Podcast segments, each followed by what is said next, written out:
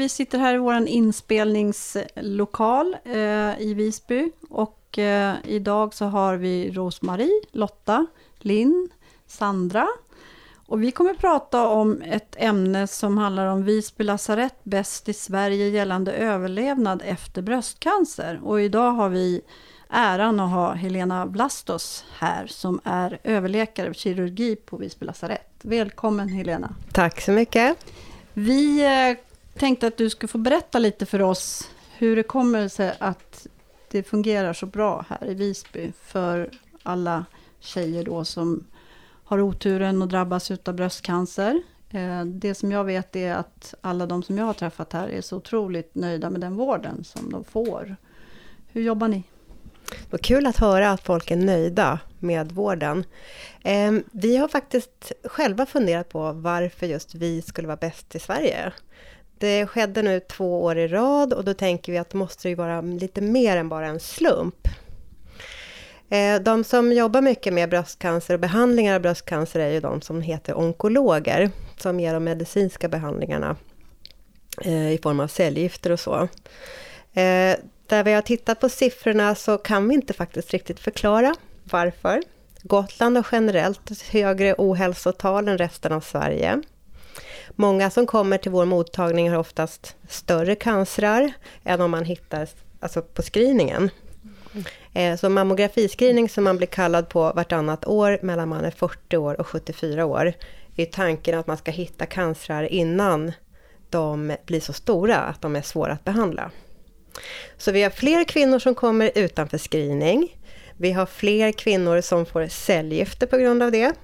Eh, och vi kan därför inte riktigt förklara varför vi har bättre eh, överlevnadssiffror.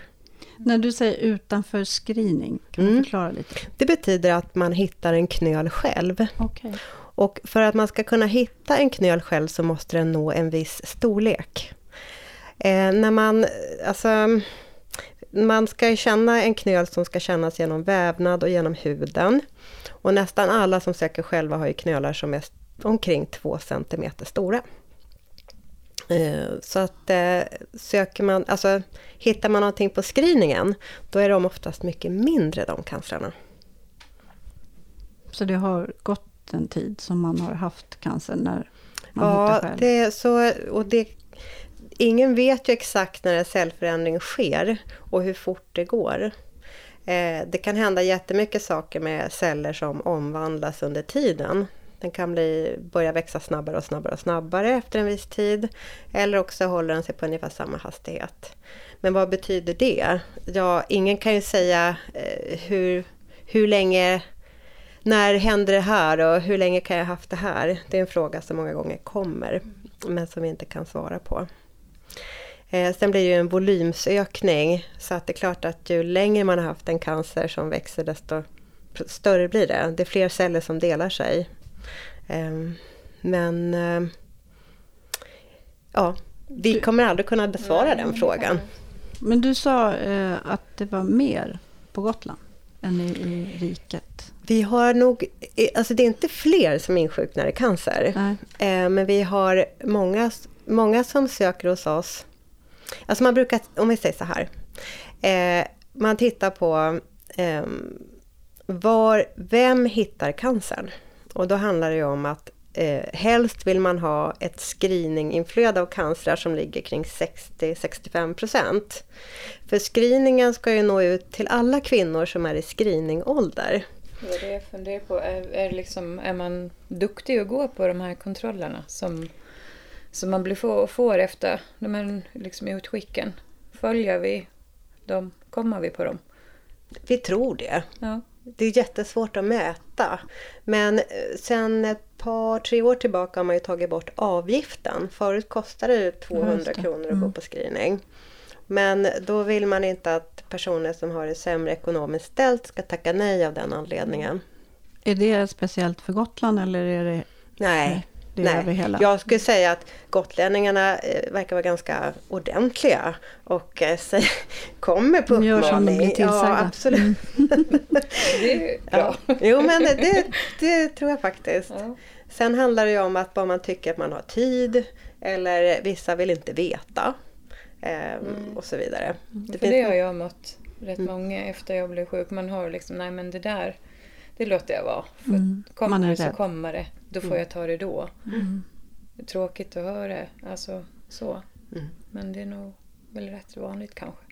Mm. Det är argumenten emot att ha screening för Mm. olika sjukdomar. Mm. Det är att man överbehandlar kvinnor som eh, inte är sjuka av sin cancer. Eh, för det är, ju inte, det är ju ganska tuffa behandlingar man går igenom. Samtidigt kan jag tänka, vem vill egentligen bli sjuk av sin cancer på det Nej. sättet? Det går för lång tid. Mm. Mm. Precis. Så ju tidigare man upptäcker en cancer, desto bättre är prognosen. Totalt. Men är det så att när, när det väl har skett då att man har antingen sökt sig in själv eller att ni eh, eh, ser på screeningen då vad är det ni gör sen som gör att ni kan göra det så mycket bättre? Än att, Vi tror att vi har en väldigt bra vårdkedja. mm, Eh, kombinationen av eh, vår litenhet och närhet mellan de olika specialiteterna gör också att vi har eh, ganska snabba förlopp.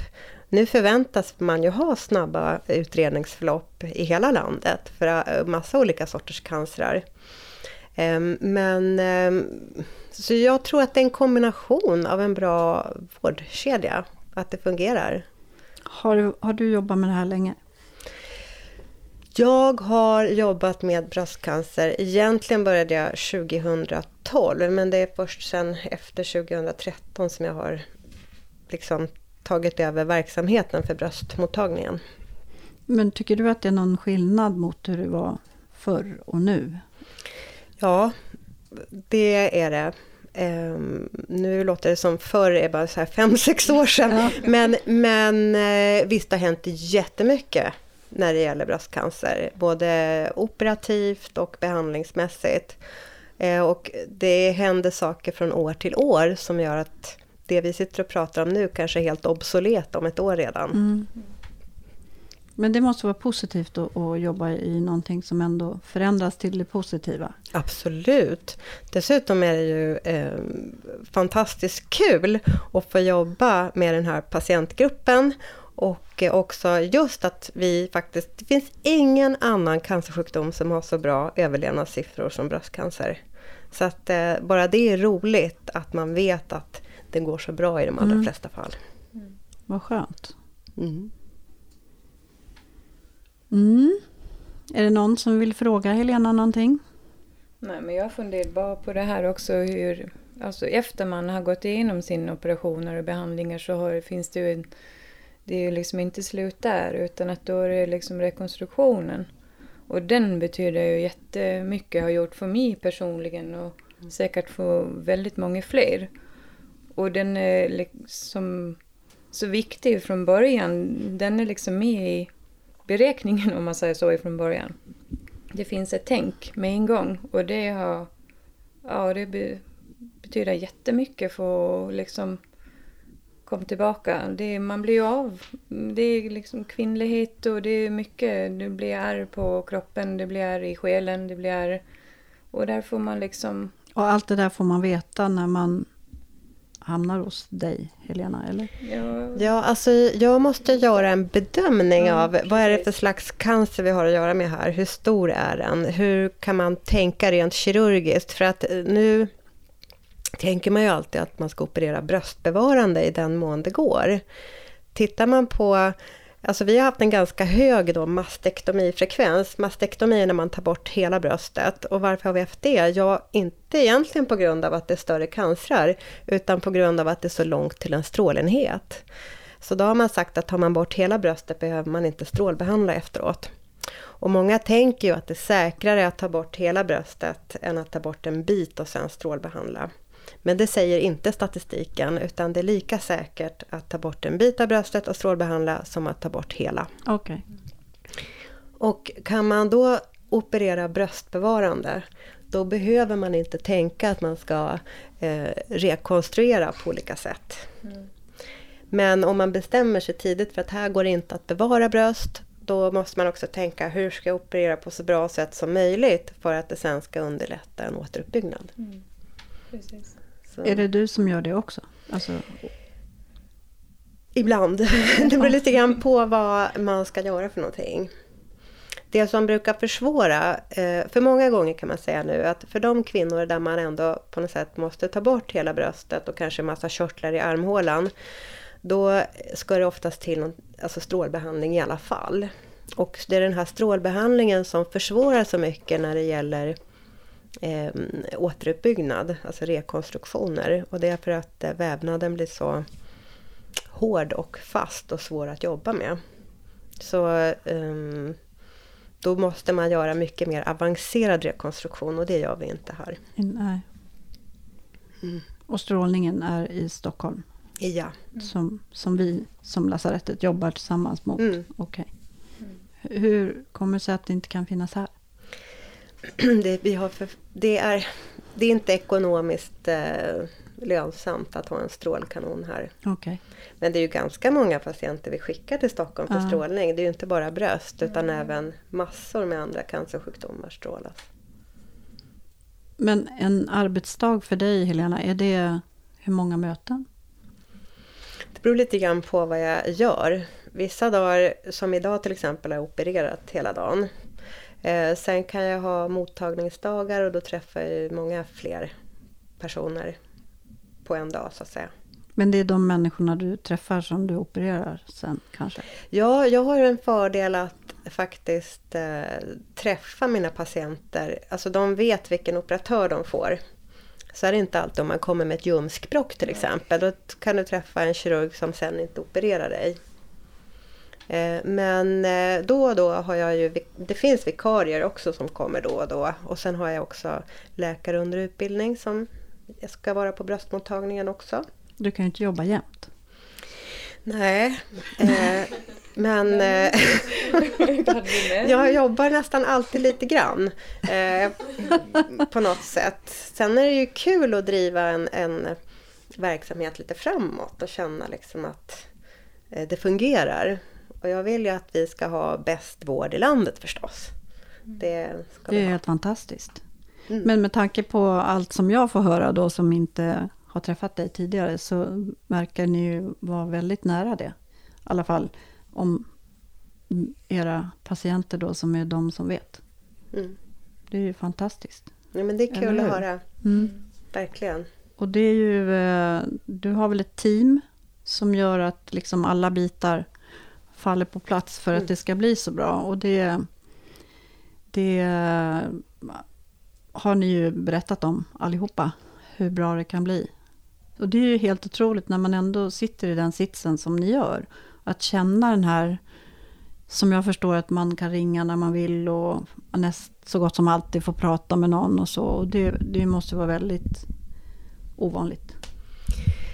Ehm, ja, eh, man kan väl säga så här. Sen, eh, sen vad kan det vara nu då? När börjar vi? Det, ja, jag tror skulle, jag skulle, om man backar ungefär tre år tillbaka i tiden ungefär, då startade man någonting som heter standardiserade vårdförlopp. Och det gällde hela Sverige, där man har en viss tid på sig att utreda en cancer.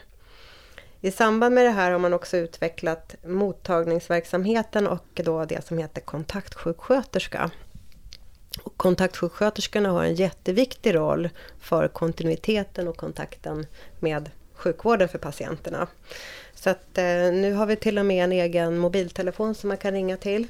Eh, och eh, ja, man ska snabbt kunna komma fram till vård när man behöver och inte gå runt och känna sig ledsen och otrygg. Det är jättebra. Mm. Men är, är det du som är chef över att det här sker? Eh, nej, det är jag inte. Nej. Eh, utan eh, den som bestämmer det här, ja... Det är någon. Det Nej men alltså det, det är så här, jag skulle säga så här. Det som, eh, det fattas ju beslut på nationell nivå. Eh, och sen ska det implementeras i olika verksamheter. Och det här, eh, de som ska säga driver på cancerutredning och behandling, det är då regionalt cancercentrum. Och vi är kopplade då mot Stockholmsregionens eh, sydöstra del. Så då och då sitter jag uppkopplad på telelänk och eh, samråder då med RCCs eh, ja, arbetsgrupp kan Mm. man säga. Har du någon nära kontakt med vår region, Gotland? Alltså nu brukar jag lite skämtsamt säga att det är vi som lyfter siffrorna för, för Region Stockholm-Gotland. Eh, men jag har, eller hur menar du? Du menar någon jag byter Nej, men fortsätt du. Som Nej, du men tänkte. vi, vi, man tittar ju på statistik. Mm. Statistik alltså det, om vi ska tänka oss att vi ska behålla så mycket sjukvård här hemma som möjligt och ha en bra kvalitet så måste man ju också mäta. Eh, och, så man kommer inte ifrån statistik. Nej.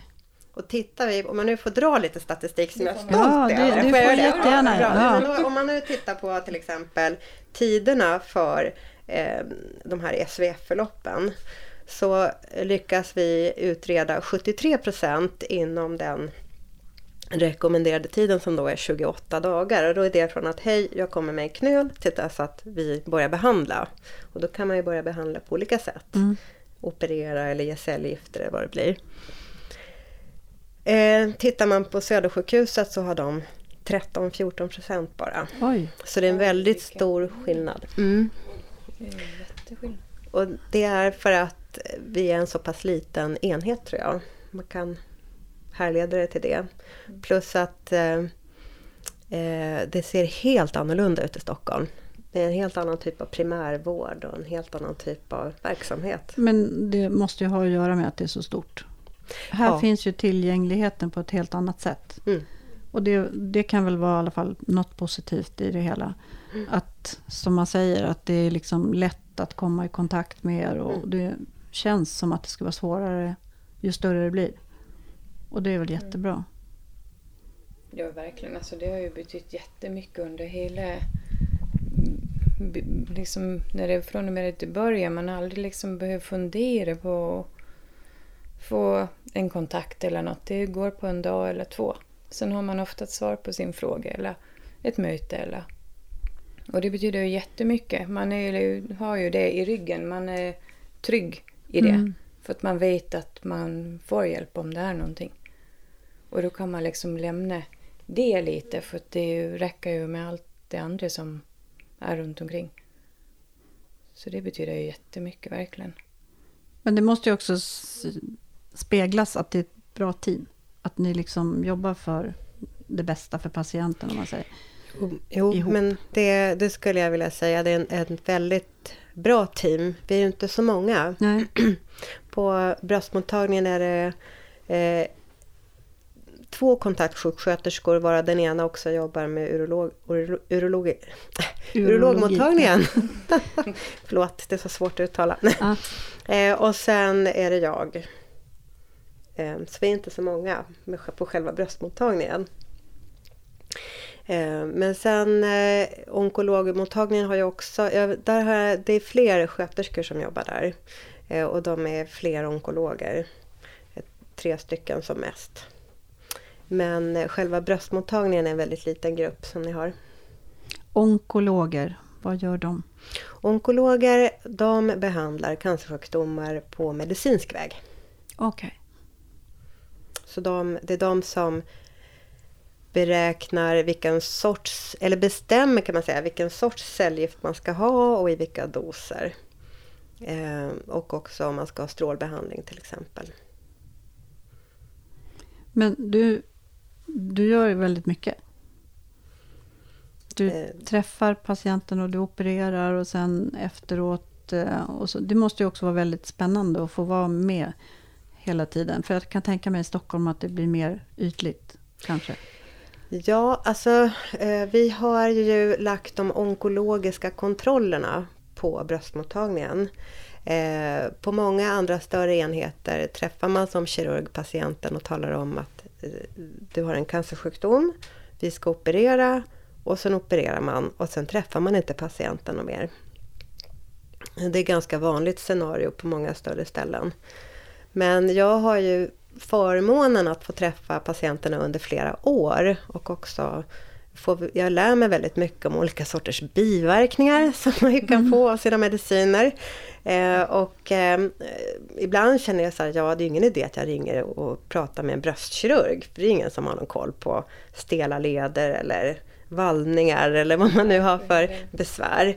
Utan eh, eh, då får man i sådana fall kanske prata med någon onkolog. Eller bilda sin egen erfarenhetsbank faktiskt. För det börjar jag göra nu. Jag träffar så pass många patienter att jag kan säga att jo men det där har jag sett förut eller så. Mm. Mm, men det måste ju vara skönt för er då som, som är i den här sitsen att veta att det är så pass litet eller vad man ska säga så att det fortfarande är överblickbart. Mm. För både dig och för patienterna. Mm. Och att man känner den här tryggheten som jag förstår att ni allihopa förmedlar då när ni har träffat mm. Helena. Men jag tänker, har du någon fritid? Alltså litenheten kan ju vara bra. Man får stora volymer på, till exempel för min del. Opererar mycket och så. Men eh, samtidigt så är det ju skörbart. Alltså skört. Mm. Eh, sårbart. Sårbart heter det, ja. tack. Mm. Eh, skörbart, mm, ja, men... det, var, det var ny. det är helt okej. Okay. Vi gillar när det blir så. Ja, ja. precis. Eh, men ehm, det gör ju att jag skulle ju hemskt gärna vilja att vi var två som jobbade mm. med eh, bröst.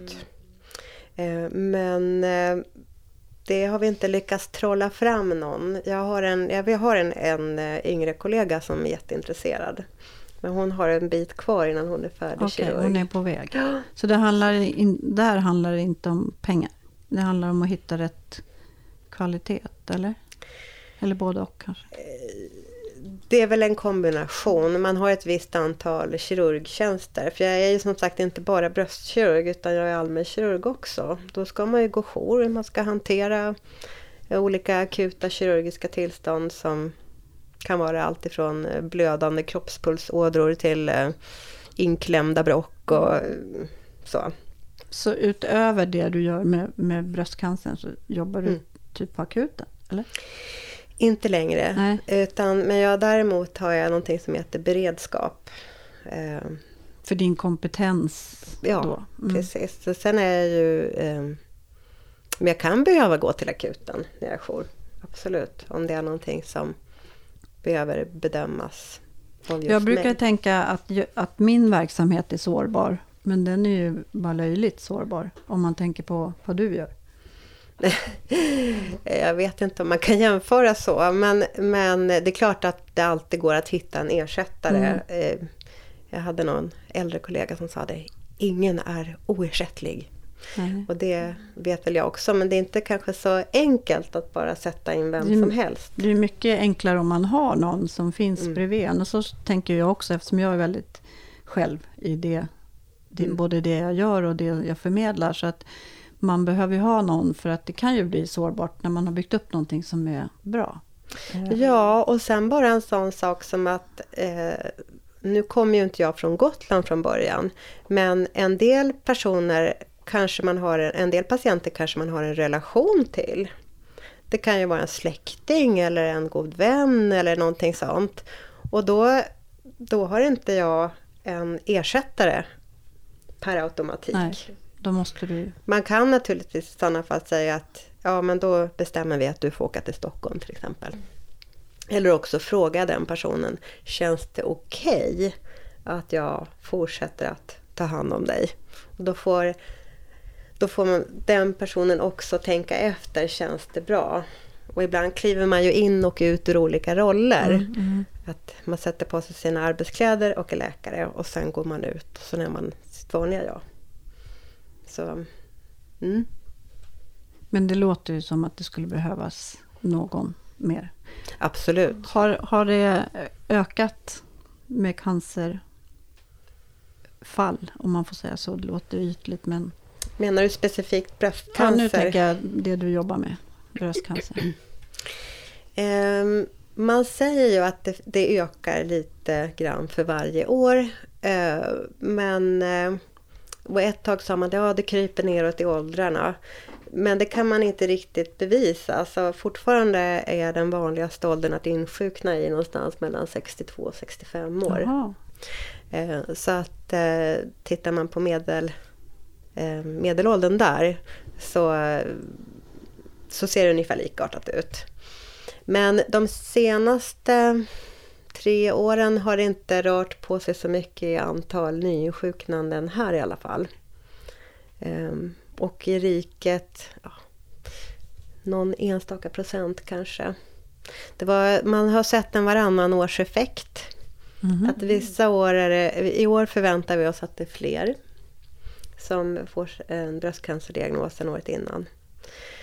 Men vad säger man då? Någonstans ungefär 9000 kvinnor per år får en bröstcancerdiagnos. Det är ungefär en i timmen faktiskt. Och hur många lägger vi på Gotland? Eller har du något? Vi har, eh, vi ligger någonstans kring 60, lite drygt. Rekordåret var 2013, då var det över 70. Men då ska man veta att det, då pratar vi om första gångsinsjuknande. Så Mm. kan man ju få tillbaka sin sjukdom. Mm. Eh, och de, ligger också, de räknar vi inte med i statistiken. Det är mycket. Mm. Mm. Det är väldigt mycket. Mm. Ni som sitter här, ni känner ganska många som också har, eller? Jo, alltså jag känner till någon. Det har Mm. man i alla fall.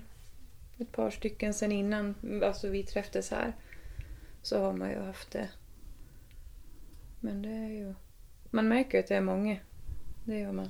Allra Jo. helst när man, när man öppnar upp och pratar lite Mm. om det eller liksom så. Så märker man att det är många fler än vad man trodde. Ja, det är ju ingen ovanlig Nej, sjukdom nej, det är ju tyvärr. inte det. Men det har väl också blivit lite mer eh, öppet med tanke på alla galor och man pratar mer om Man det. vågar nog prata Ja. lite mer om det. Väl också just det, allt det här runt omkring och att, folk, ja, att man vågar öppna upp lite vad det innebär och vad man är med om och, Mm. och sådär. Tror jag. Säg till om ni vill fråga någonting. Mm, bra. Eh, Jag har en fråga. Eh, när man är klar då, om man säger inom situationstecken. Finns det någon tanke på eftervård? Eller är det så att man skrivs ut och så hoppas vi att vi inte ses något mer? Eller hur fungerar det? Har ni någon Menar tanke där? du när de onkologiska kontrollerna är klara? Ja, när man är typ friskförklarad. Ehm, ja, det är väl egentligen många som mår väldigt dåligt just då. Då står man helt Nej, de brukar må jättebra. Ja, bra då. kanske i kroppen men man, Ja. man har ju ändå massa saker i, i huvudet kanske som snurrar, eller? Nej, det upplever inte jag. Eh, om vi pratar tidigt i ett förlopp, när man kanske precis är nyopererad för sin cancer, då kan det vara en hel del frågor och funderingar och oro och så. Men under de här, det klassiska tiden för uppföljning är fem år. Och på de här fem åren så har man ju hunnit bearbeta väldigt mycket. Eh, Naturligtvis finns det ju kvar hos många en ångest och oro att bli sjuk igen. Den kan ju naturligtvis inte jag trolla bort. Eh, men däremot så måste man på något sätt säga att men nu, vi vet att kommer det tillbaka så händer det oftast inom den här perioden. Sen kan det alltid hända saker på olika sätt med alla, vi är ju liksom levande varelser. Så det kan alltid ske cellförändringar. Men efter de här fem åren är slut så räknas man ju som, som vanligt igen. Eh, och då hänvisar man, är man i screeningålder så är det åter till screeningen och sådär. Sen har vi ju alltid eh, möjlighet, vill man höra av sig och göra en undersökning så finns ju möjligheten. Man är inte portad ifrån mottagningen bara för att det har gått fem Nej, år. nej. Utan man får jättegärna komma tillbaka eh, om man behöver. Så att, och jag får säga att jag har nog aldrig varit med om att någon har varit jätteledsen och gråtit eller tyckt det varit jobbigt att vi har sagt att ja, nu har det gått fem år och allt ser bra ut. Så att, Såklart inte. men, men däremot så förlängs eh, kontrolltiderna, eller behandlingstiderna ska jag säga, eh, för de som har hormonkänsliga cancrar. Så många gånger ska man äta såna här tabletter för att trycka ner hormonnivåerna i kroppen i längre tid än fem år. Och det kan vara deprimerande för många kvinnor att höra. Särskilt om man har mycket biverkningar. Är det något man skulle kunna göra där för att hjälpa till? Eller? Ehm, vi försöker ju peppa och stötta och se till att man åtminstone står ut så länge som möjligt. Har man depressiva besvär finns det ju behandlingar mot det. Är det mycket ledbesvär och muskelbesvär då rekommenderar vi ju träning. Och det gör vi ju till alla med cancersjukdom. Uppmanar vi till fysisk aktivitet. Ehm, men eh, det finns inga, ska säga, magiska tricks att bli av med alla biverkningar. Och det slår jätteolika från person till person. En del märker ingenting och andra mår pyton. Eh, och det är den gruppen är svår att motivera. Att... Det är väl lite det som vi försöker mm. att nå ut. För bara vi som är med i den här gruppen har ju olika sätt att ta mm. på medicinen och sådär. Mm. Och det kan ju vara skönt att få höra att men det är inte bara jag som reagerar som jag gör. Mm. Ja, Lotta? Önskar vi en mikrofon? Eh, jag undrar bara, vad är skillnaden mellan genetisk och hormonell? Alltså i efter... Eh, hur ska jag förklara det? Den här eftervården som blir... Eh, när du säger genetisk, menar du då ärftlig bröstcancer? Alltså, um, antingen har man en förhöjd ärftlighet för bröstcancer och då har man en hög risk att insjukna under sin livstid. Sen vad det blir för sort av bröstcancer, det kan, det kan variera. Men, så det måste inte vara en hormonell cancer bara för att man bär på en bröstcancergen. Eh, ibland säger vi snarare att alla kvinnor som har en icke hormonkänslig cancer ska utredas genetiskt om man vill. Och sen alla kvinnor under 40 år som insjuknar i bröstcancer oavsett sort erbjuds en genetisk utredning. Däremot bär man på en bröstcancergen, då har man ju jättehög livstidsrisk att insjukna i bröstcancer. Så för de kvinnorna kan man ibland erbjuda förebyggande kirurgi. Det vill säga att man tar faktiskt bort brösten innan man har blivit sjuk. Och hur hittar man dem? Ja, eh, många gånger så, man kan väl säga så här. Eh, de hittar man ju på mottagningen. Alltså kommer in någon som är under 40 år gammal så erbjuds de en genetisk utredning. Ibland dyker det upp kvinnor som har blivit del av någon annans genetiska utredning. Eh, och eh, man vill själv göra en egen utredning. Eh, så att man kan hitta de här kvinnorna på olika sätt. Mm. Har du någon fråga till oss? Med tanke på att vi träffas och tränar och eh, ja, både psykiskt och fysiskt blir det ju att vi delar den här saken som ni har gemensamt. Då. Har du hört några reaktioner på på din mottagning om träningens betydelse, om man säger så? Eh, man kan väl säga att jag som, jag som doktor eller som läkare här är ju... Eh, man kan väl säga så här. Många gånger är det ju, det är ju sjuksköterskan som har en mer kontinuerlig kontakt med patienterna i början och där ingår det, de har olika mätverktyg med frågeformulär och sånt som patienterna fyller i. Och då kan man också alltså följa upp det här med fysisk aktivitet och träning på ett annat sätt. Jag är inte alltid inblandad i den kring de frågorna direkt så faktiskt. Mm. Eh, men eh, och ofta när jag är inblandad då är det liksom saker som är kopplade till, till själva sjukdomen. Så därför är det inte alltid så att det bjuder sig att just jag är den som pratar eh, om träning med patienterna. Men jag uppmanar till det då och då. Mm. Särskilt när man ses på besöken efter operation och kanske innan de onkologiska behandlingarna ska starta. För alla ni som, som är här, ni har ju gått under behandling på träning. Och så har man ju tränat så mycket som man orkar och kan och sådär. Men ni som har börjat nytt här i gruppen, känns det bra att liksom vara med fast man är ganska sjuk just nu, om man säger så. Jo, absolut. Jag, vet inte jag har inte tränat så många gånger, men jag tycker att det känns... Jag går hellre hit än som förut när man gick på Friskis. Nej, Nu får vi inte säga så, något Nej. illa om Friskis, men, Nej, men, men- det som vi har här är ju att vi, vi har en grupp Ja, där man kan få vara sig själv Mm. och inga andra är här när vi Nej. är här, utan vi har lyckats få den man kan få vara sig Möjligheten. själv här. Så att man har liksom en, alltså en, en fördel av att man kan få vara sig själv och vi Mm. kan prata och vi kan träna utan att andra människor är med. Precis. Och det känns tryggt. Ja, och det är ju tanken med allt det här och det är det vi vill förmedla också till andra personer. Att om det finns något gym eller någon plats där man kan få samma, samma vad ska jag säga, tillhörighet. Mm. För det är väl det det handlar om.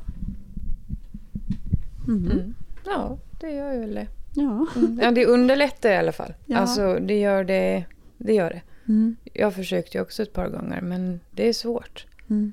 Det är så mycket runt omkring och man blir, blir inte sig själv.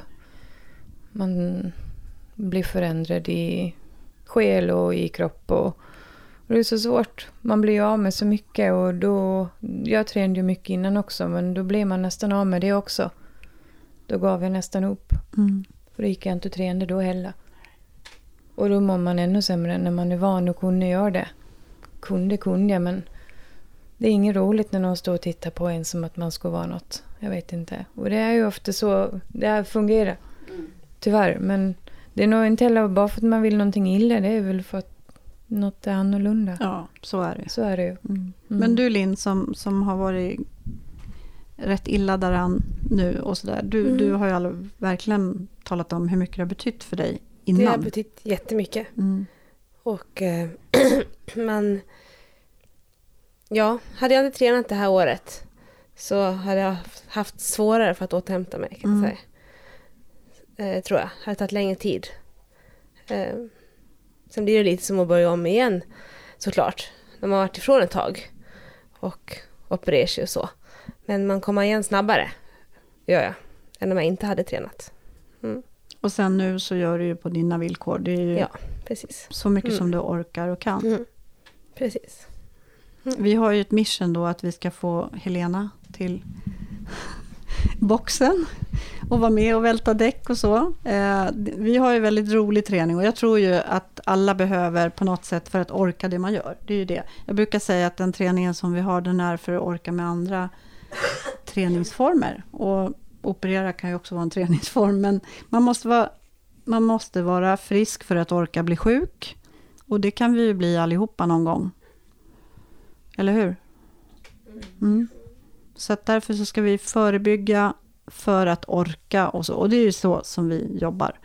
Men eh, det är i alla fall väldigt, väldigt kul att du ville komma hit och prata med oss. Och att jag får träffa dig, som alla har pratat om. Eh, och eh, det kan jag säga, det figurerar minst två gånger om dagen när vi träffas, ditt namn. Så det verkar som att du har väldigt nära kontakt med dina patienter i alla fall. Och det tycker jag är jättehäftigt. För det måste ju göra hela förloppet mycket, mycket enklare. Så.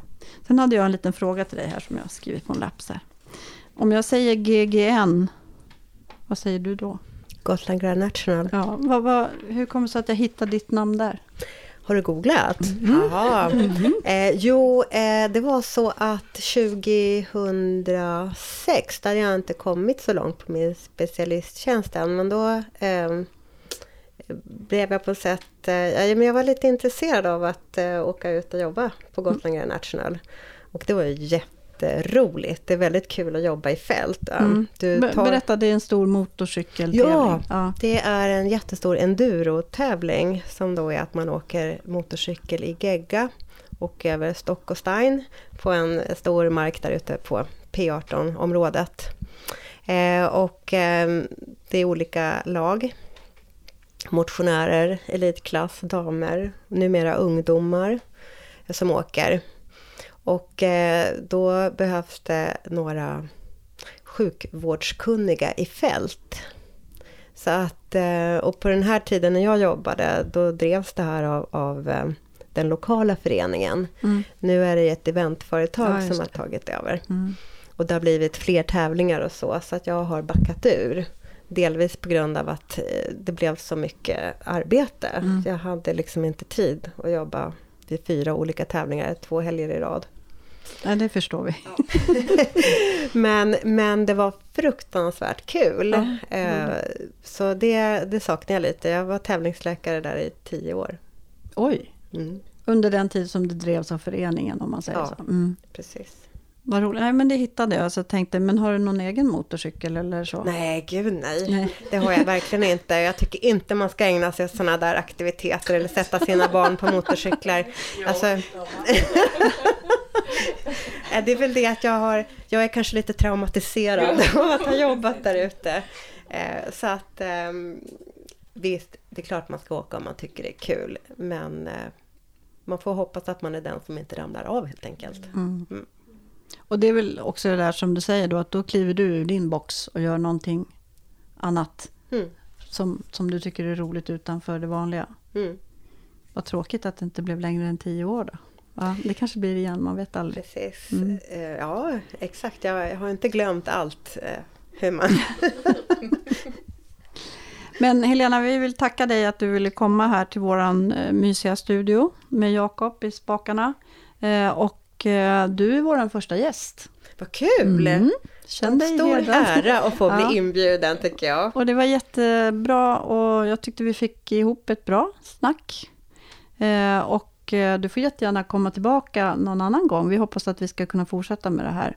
Men först så tycker vi att du ska komma och träna. Okej. Mm. Ni får inte nog av mig på sjukhuset. Nej, du är jättevälkommen. Men tack snälla du för att du ville vara med. Tack själva. Lycka till. Hörrni, ni vet att om ni vill följa oss på eh, sociala medier så finns vi på Facebook och på Instagram och då är det Fight Your Cancer-podden. Och där går det också bra att lämna meddelande om det är någonting som ni vill att vi ska ta upp i våran podd. Eh, vi kan ju prata, det har ni hört, men vi vill gärna ha något att prata om, ett ämne och så. Så ni får jättegärna tipsa och hör gärna av er överhuvudtaget om eh, ni tycker det är bra.